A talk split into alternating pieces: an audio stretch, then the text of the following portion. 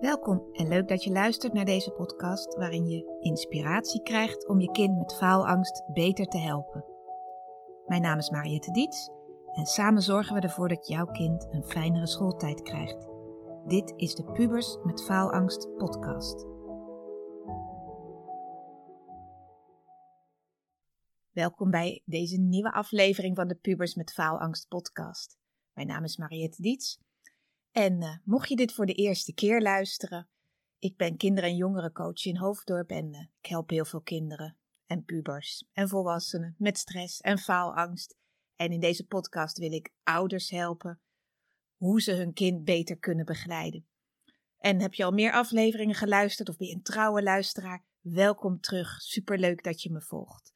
En uh, als je de podcast echt waardeert, geef me dan ook een leuke rating. Dat helpt me ook weer om beter zichtbaar te worden op de kanalen. Nou, vandaag wil ik het hebben over onze rol als ouders. Wat, ja, hoe kan je nog meer naar jezelf kijken als je kind bepaalde gedragsgedoetjes, problemen vertoont? En ik merk een tendens in kindercoachland dat steeds meer kindercoaches en ik zelf ook zich meer focussen op de ouders dan op het kind zelf. Dus dat je niet het kind van acht gaat helpen, hoe ga je met boze buien om, maar dat je met de ouder gaat praten of met de ouders van hoe is de gezinssituatie, uh, hoe gaan jullie met elkaar om, uh, wat triggert het, welke behoeften laat je kind zien. Vaak kan je daar veel meer mee bereiken dan wanneer je met een kind van acht gaat zitten praten over, ja, uh, en toen had je die driftbuit toen je geen ijsje kreeg en wat kan je dan voor een helpende gedachte bedenken in plaats van een niet helpende gedachte. Dus er is meer focus nu op hulp aan ouders. En ja, laten we wel wezen, onze kinderen zijn een product van ons. We hadden een heftige escalatie vanmorgen bij ons thuis. Ik was thuis. Eén uh, kind van 16 was al wakker, had al ontbeten. En het kind van 18 sprong onder de douche met de deur op slot. Nou, dat is bij ons altijd een heet hangijzer, want als de badkamer op slot is, kan je niet bij je tandenborstel. En als je ook naar school moet of weg, wat dan? Dus we hebben wel een afspraak, laat de deur open. Maar die van 18 had de deur op slot. Het escaleerde en er werd met water gegooid en gegild en geschreeuwd. En mijn dochter was zo kwaad. En ondertussen zat oma, mijn moeder, beneden, want we zouden naar een verjaardag gaan. Dus ik voelde me als moeder helemaal aan alle kanten, uh, ja, hoe noem je dat? Dat er aan alle kanten aan me getrokken werd. Ik snapte mijn zoon, want die zegt: Ik wil gewoon privacy als ik douche. Ik snapte mijn dochter dat ze zo wit heet werd. Dat had ik vroeger ook bij mijn broers, want die konden ook af en toe zo etteren en dat doet hij ook bij haar.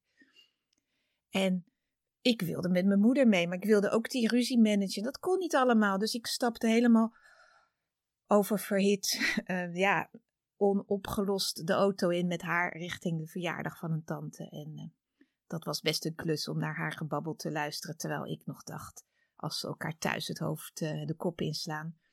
Maar de reden dat ik het nu allemaal vertel, het doet iets met je als moeder als je kinderen zo met elkaar omgaan. Het triggert iets. En als je mee gaat schreeuwen, wat ik vanmorgen niet deed, soms doe ik het ook hoor. Maar vanmorgen ben ik zelf rustig gebleven. Ik ben zelfs weggegaan zonder dat het uitgepraat was. Maar als je mee gaat doen, gooi je eigenlijk weer olie op het vuur als je het gaat oplossen ook. En ik kreeg best wel een verwijt naar mijn kop geslingerd. Mijn dochter zei, en dat heeft ze al vaker gezegd, ja, jij doet er niks aan dat hij zo doet. Dus jij kan niet goed opvoeden. Nou, dan moet je wel stevig in je schoenen staan als, als je kind dat tegen je zegt. En als je al onzeker bent, en ik praat ook wel veel bijvoorbeeld met alleenstaande moeders, en je voelt je al wiebelig en je hebt ook niet iemand die af en toe met je meebrult, dan kan je heel erg gaan twijfelen van, doe ik het allemaal wel goed? Of als je je niet gesteund voelt door je partner en je krijgt dan zo'n verwijt terwijl je voor je gevoel heel erg je best doet om, uh, om de boel te managen en het valt gewoon niet mee. Kleine kinderen, kleine ruzietjes, grote kinderen, grote gedoes, zeggen ze. En ja, er gebeurt altijd wel wat in een gezin. En hoe steviger je staat als ouder, hoe rustiger je kan blijven. En hoe meer die dingen ook zelf een oplossing gaan vinden. En um, ik weet niet of nou vanmorgen weglopen een goede optie was. En ik weet ook niet hoe het avondeten er vanavond uit gaat zien, want daar hangt nog iets in de lucht. Ze zitten allebei op hun eigen kamer gebarricadeerd momenteel. Dus dat. Maar wat als jouw kind bijvoorbeeld stress of faalangst heeft en je meldt het aan bij mij, dan ga ik ook vragen: hoe is de situatie thuis? En ik wil je ook met deze aflevering uitnodigen om, om gewoon eens mee te denken met me van ja, hoe gaan wij eigenlijk als ouders met elkaar om? En dan kan je gescheiden zijn. En dan is het vaak al ingewikkelder, want dan is vader in een ander huis dan moeder en het kind pendelt heen en weer, of het kind ziet een van de ouders nooit, of er speelt loyaliteitsgedoe, soms zelfs vechtstrijdingen, rechtszaken. Dat is heel onrustig voor een kind. Kan een kind stress bezorgen, natuurlijk, want die ouders zijn ook bezig met zichzelf en met de partner, want hoe meer je nog bezig bent met je ex en hoe slecht die is, ja, hoe meer je nog eigenlijk aan hem of haar verbonden bent.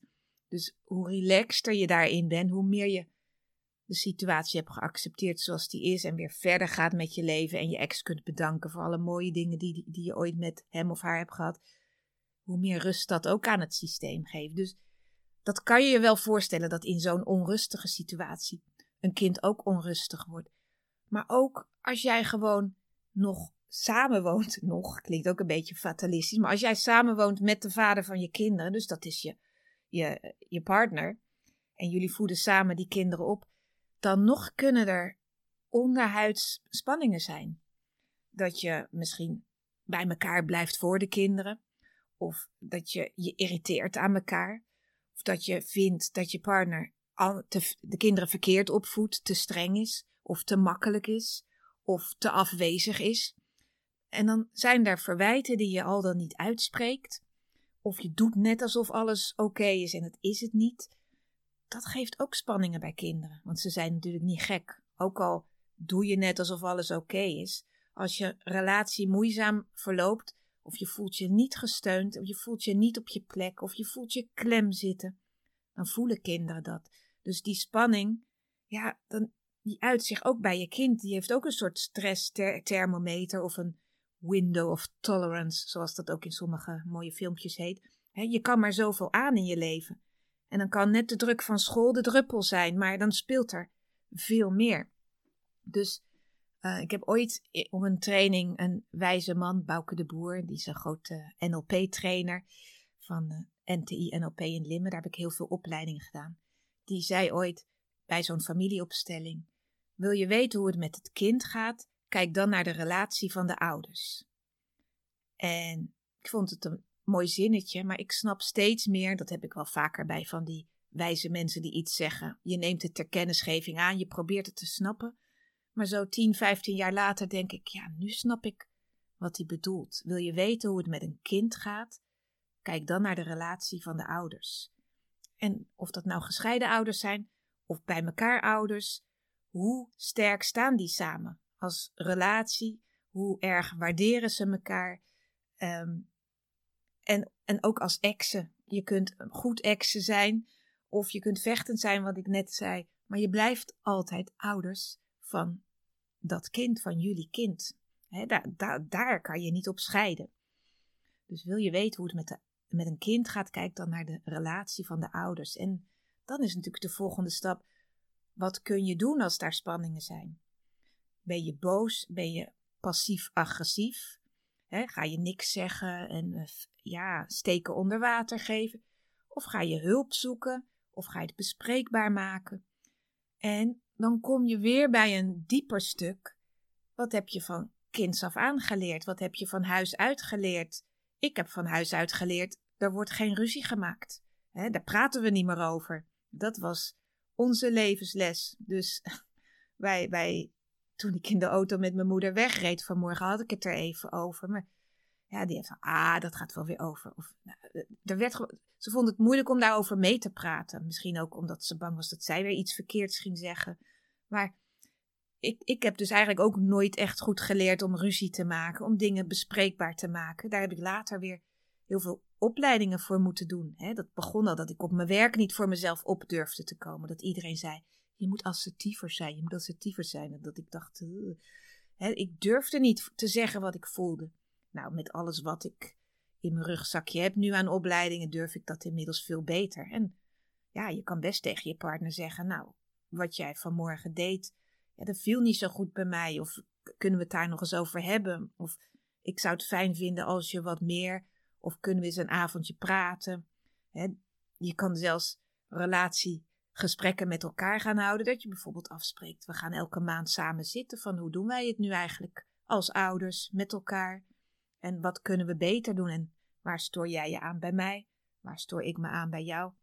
Nou, het klinkt een beetje uh, misschien voor jou gekunsteld of uh, ja, ik weet niet hoe je het zou kunnen noemen, maar het is ook iets waar je aan moet werken. Relatie blijft niet vanzelf goed. En ik wil daar nog eens een andere afle aflevering over maken. Over het boekje De Vijf Talen van de Liefde. Misschien heb je dat al, daar al wel eens van gehoord. En anders kun je er nu alvast op googelen. Maar dat komt nog in een toekomstige aflevering. De Vijf Talen van de Liefde. De schrijver heet Gary Chapman. Heel interessant onderwerp. Um, nu wil ik vooral focussen op dat je beseft als ouder dat jij invloed hebt op de toestand van je kind. En dan heb ik het niet over de schuldvraag. Het is jouw schuld of jullie schuld dat jullie niet lekker in je vel zitten als ouders, dat het daardoor niet goed gaat met je kind. Want ja, dat is te makkelijk. Jullie zijn ook weer een product van jullie achtergrond, van jullie ouders, van jullie familiesysteem. Er zijn geen schuldigen. Want dit gaat tot in de geschiedenis ver door naar achteren. En het helpt al als je dat ook ziet. Als je je partner, de dingen waar jij je aan ergert bijvoorbeeld, of je ex, als je ergens aan ergert, dat je beseft, hij of zij is ook weer een product van zijn of haar ouders. En dan snap je misschien, ja, als je uit zo'n familie komt, snap ik wel dat je zo doet. Hoef je iemand niet te vergeven voor bepaalde dingen. Maar je kunt wel zeggen: Ik snap het. Ik snap waar je vandaan komt. Ik, ik las vanmorgen op LinkedIn een, iemand die had het over een heel ander onderwerp, maar toen had hij het zinnetje: ik begrijp, ik begrijp je wel, maar ik apprecieer het niet. En toen schreef hij daarachter tussen haakjes: Dit zinnetje ga ik ook bij mijn pubers gebruiken. En dat had ik vanmorgen ook bij de douche. Ik begreep mijn oudste wel. Ik apprecieer, ik waardeer zijn gedrag niet, maar ik begrijp hem wel. En ik begrijp mijn dochter ook dat ze wit heet werd, want dat had ik vroeger ook met mijn broers. Die zijn gelukkig snel liever geworden toen ze meisjes kregen, maar ik heb ook zo, ben zo wit heet vroeger geweest. Ook gedoes rondom kamers en privacy en. Dus ik begrijp ze allebei. Maar ik apprecieer dat geruzie niet of zo. Maar dan dan erken je wel wat er is. Ik begrijp heel vaak alle mensen. Dat is ook misschien mijn lot als middelste kind. Ik wil altijd maar bemiddelen en zorgen dat het goed komt. Misschien herken je dat ook wel. Maar als je dus een partner hebt of een ex, met, maar wel de vader van je kind met wie het moeizaam verloopt, kijk eens of je daar met meer mildheid naar kan kijken. Of je achter die persoon ook de familie ziet. En ik doe ook veel met familieopstellingen en dat kan je ook hier bij mij in de praktijk komen doen. Dan leggen we met matjes op de grond jou, een matje voor jou, een matje voor jouw kind, waarmee het misschien nu niet lekker loopt, maar dan ook matjes voor jouw ouders. Waar leg je die? En hoe voelt het als die achter je staan? En wat is daar nog? En er is altijd wel iets. Of het is niet bij je ouders, maar bij daarachter, in de generatie van opa en oma, zeg maar, van hun ouders. Of er is iets met oorlog. Of er is, uh, ja, het zijn miskramen, doodgeboren kindjes geweest, taboes geweest, dingen waar gewoon niet over gesproken werd. Hè, zoals bij ons thuis werd niet geruzied. Zijn ook vaak dingen waar niet over gesproken werd. Ja, die tante die zat in een uh, inrichting, maar daar praten we niet over. Dat was natuurlijk een paar generaties terug normaler om dingen weg te stoppen. En uh, ook dingen met schuld uh, met uh, slachtoffers en daders. En dan krijg je natuurlijk ook nog de, de oorlog, die nou, een eeuw geleden bijna was. Dat speelt ook door in familiesystemen. Daderschap, slachtofferschap. Ja, mensen die een psychische aandoening hadden. Mensen die zichzelf van het leven hebben beroofd, waar niet meer over gepraat werd. Er kan van alles in een familiesysteem hebben gespeeld. Wat druk geeft bij een latere generatie.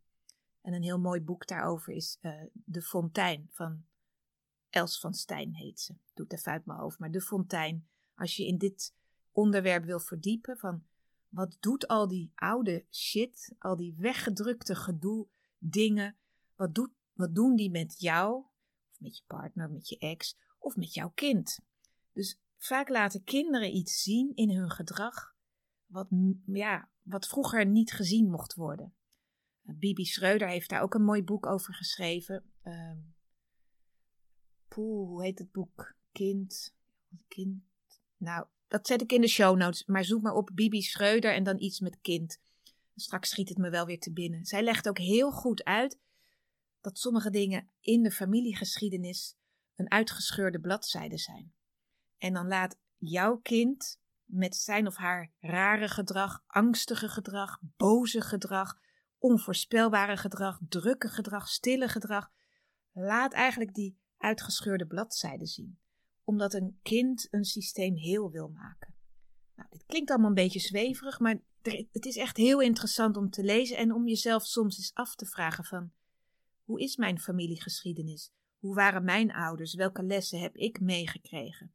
En natuurlijk dan ook de andere ouder van je kind. En dan samen met jullie beide geschiedenissen hebben jullie dit kind of deze kinderen gemaakt van jullie genen.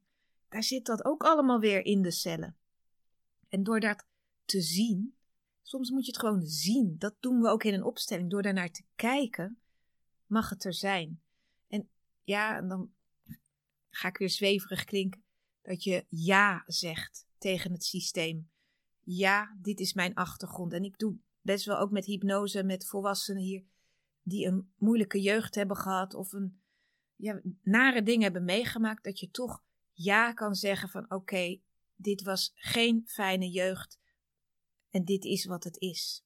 Want als je daarop terug blijft, boos blijft doen van waarom deden mijn ouders niet anders, waarom konden ze niet dit? En waarom mijn vader dit? En waarom mijn moeder dat? En waarom de, zag niemand mij, dan blijf je verbonden met toen en kan je er niet helemaal nu zijn, volwassen voor jouw kinderen. En dat is de reden waarom steeds meer hulpverleners nu zeggen: ga met de ouders werken. Ga dat oplossen, want dan ontstaat er een nieuwe generatie kinderen die niet meer die shit, sorry dat ik het zeg, hoeven door te geven. Want anders gaat het allemaal onbewust weer naar de volgende generatie. Dus systemisch kijken naar dingen is interessant.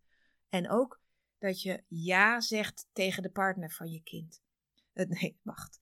Tegen jouw partner, de vader of moeder van je kind. Dus, of je ex, maar in ieder geval die andere ouder. Hoe meer afkeuring daar zit van jouw kant uit, hoe ingewikkelder het voor jouw kind is om heel te zijn. Want dan keur je eigenlijk ook de helft van degene van je kind af. Als je dingen in je partner zo afkeurt. En het geeft de meeste rust aan je kind als je gewoon kan zeggen: jouw vader of jouw moeder, de andere ouder, is de beste vader slash moeder voor jou. Want samen hebben we jou gemaakt en jij bent gewoon helemaal heel en goed zoals je bent. En als je dat kan zeggen, ook op een diepere laag kan voelen, en dan is die ander misschien met mankementen, met weet ik veel wat voor gedrag, maar dat is degene met wie je dit kind hebt gemaakt. Dus samen zijn jullie de beste ouders voor dit kind. En als je dat echt kan voelen, geeft dat zoveel rust en basis zelfvertrouwen aan je kind. Dan hoeft het niet meer zo te struggelen voor wat is mijn plek? Mag ik hier zijn? Uh, zelfs sociaal in de klas hoor ik erbij. Uh, maar ook presteren. Ben ik goed genoeg, ook als ik een onvoldoende haal? Dus kijk eens naar dat systeem en naar wat jij nog anders kan doen. En soms mag je wat meer voor jezelf opkomen. Want ik spreek ook wel best veel moeders die zeggen: Ja, aan mijn man heb ik niet zoveel. Ik doe alles met school. En mijn man die gaat gewoon met koffie op de bank zitten. Ja, misschien klinkt misschien ouderwets of niet, maar het zijn vaak de moeders die zich mega druk maken.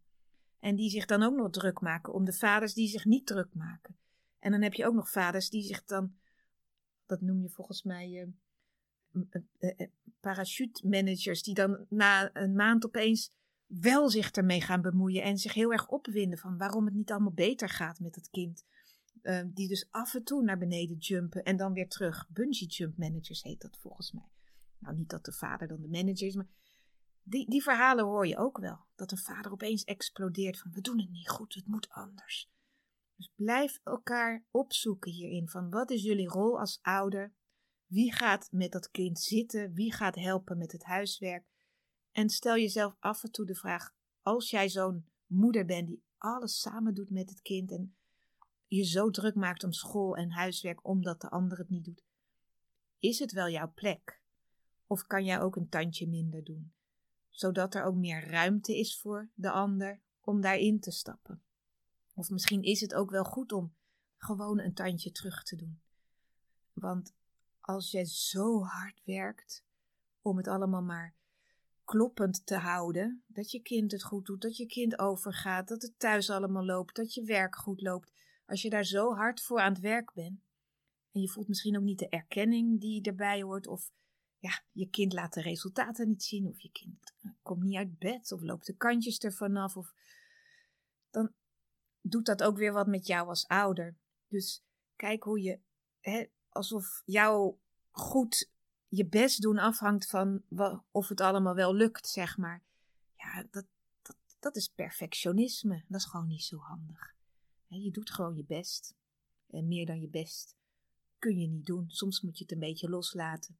Soms moet je de deur achter je dicht trekken, zoals ik vanmorgen deed. Ik weet niet of dat nou het beste was, maar ja, als ik me er helemaal mee was gaan bemoeien, was het denk ik ook niet beter gegaan. Dus voel dat je als ouder ook af en toe even een stapje terug kan doen.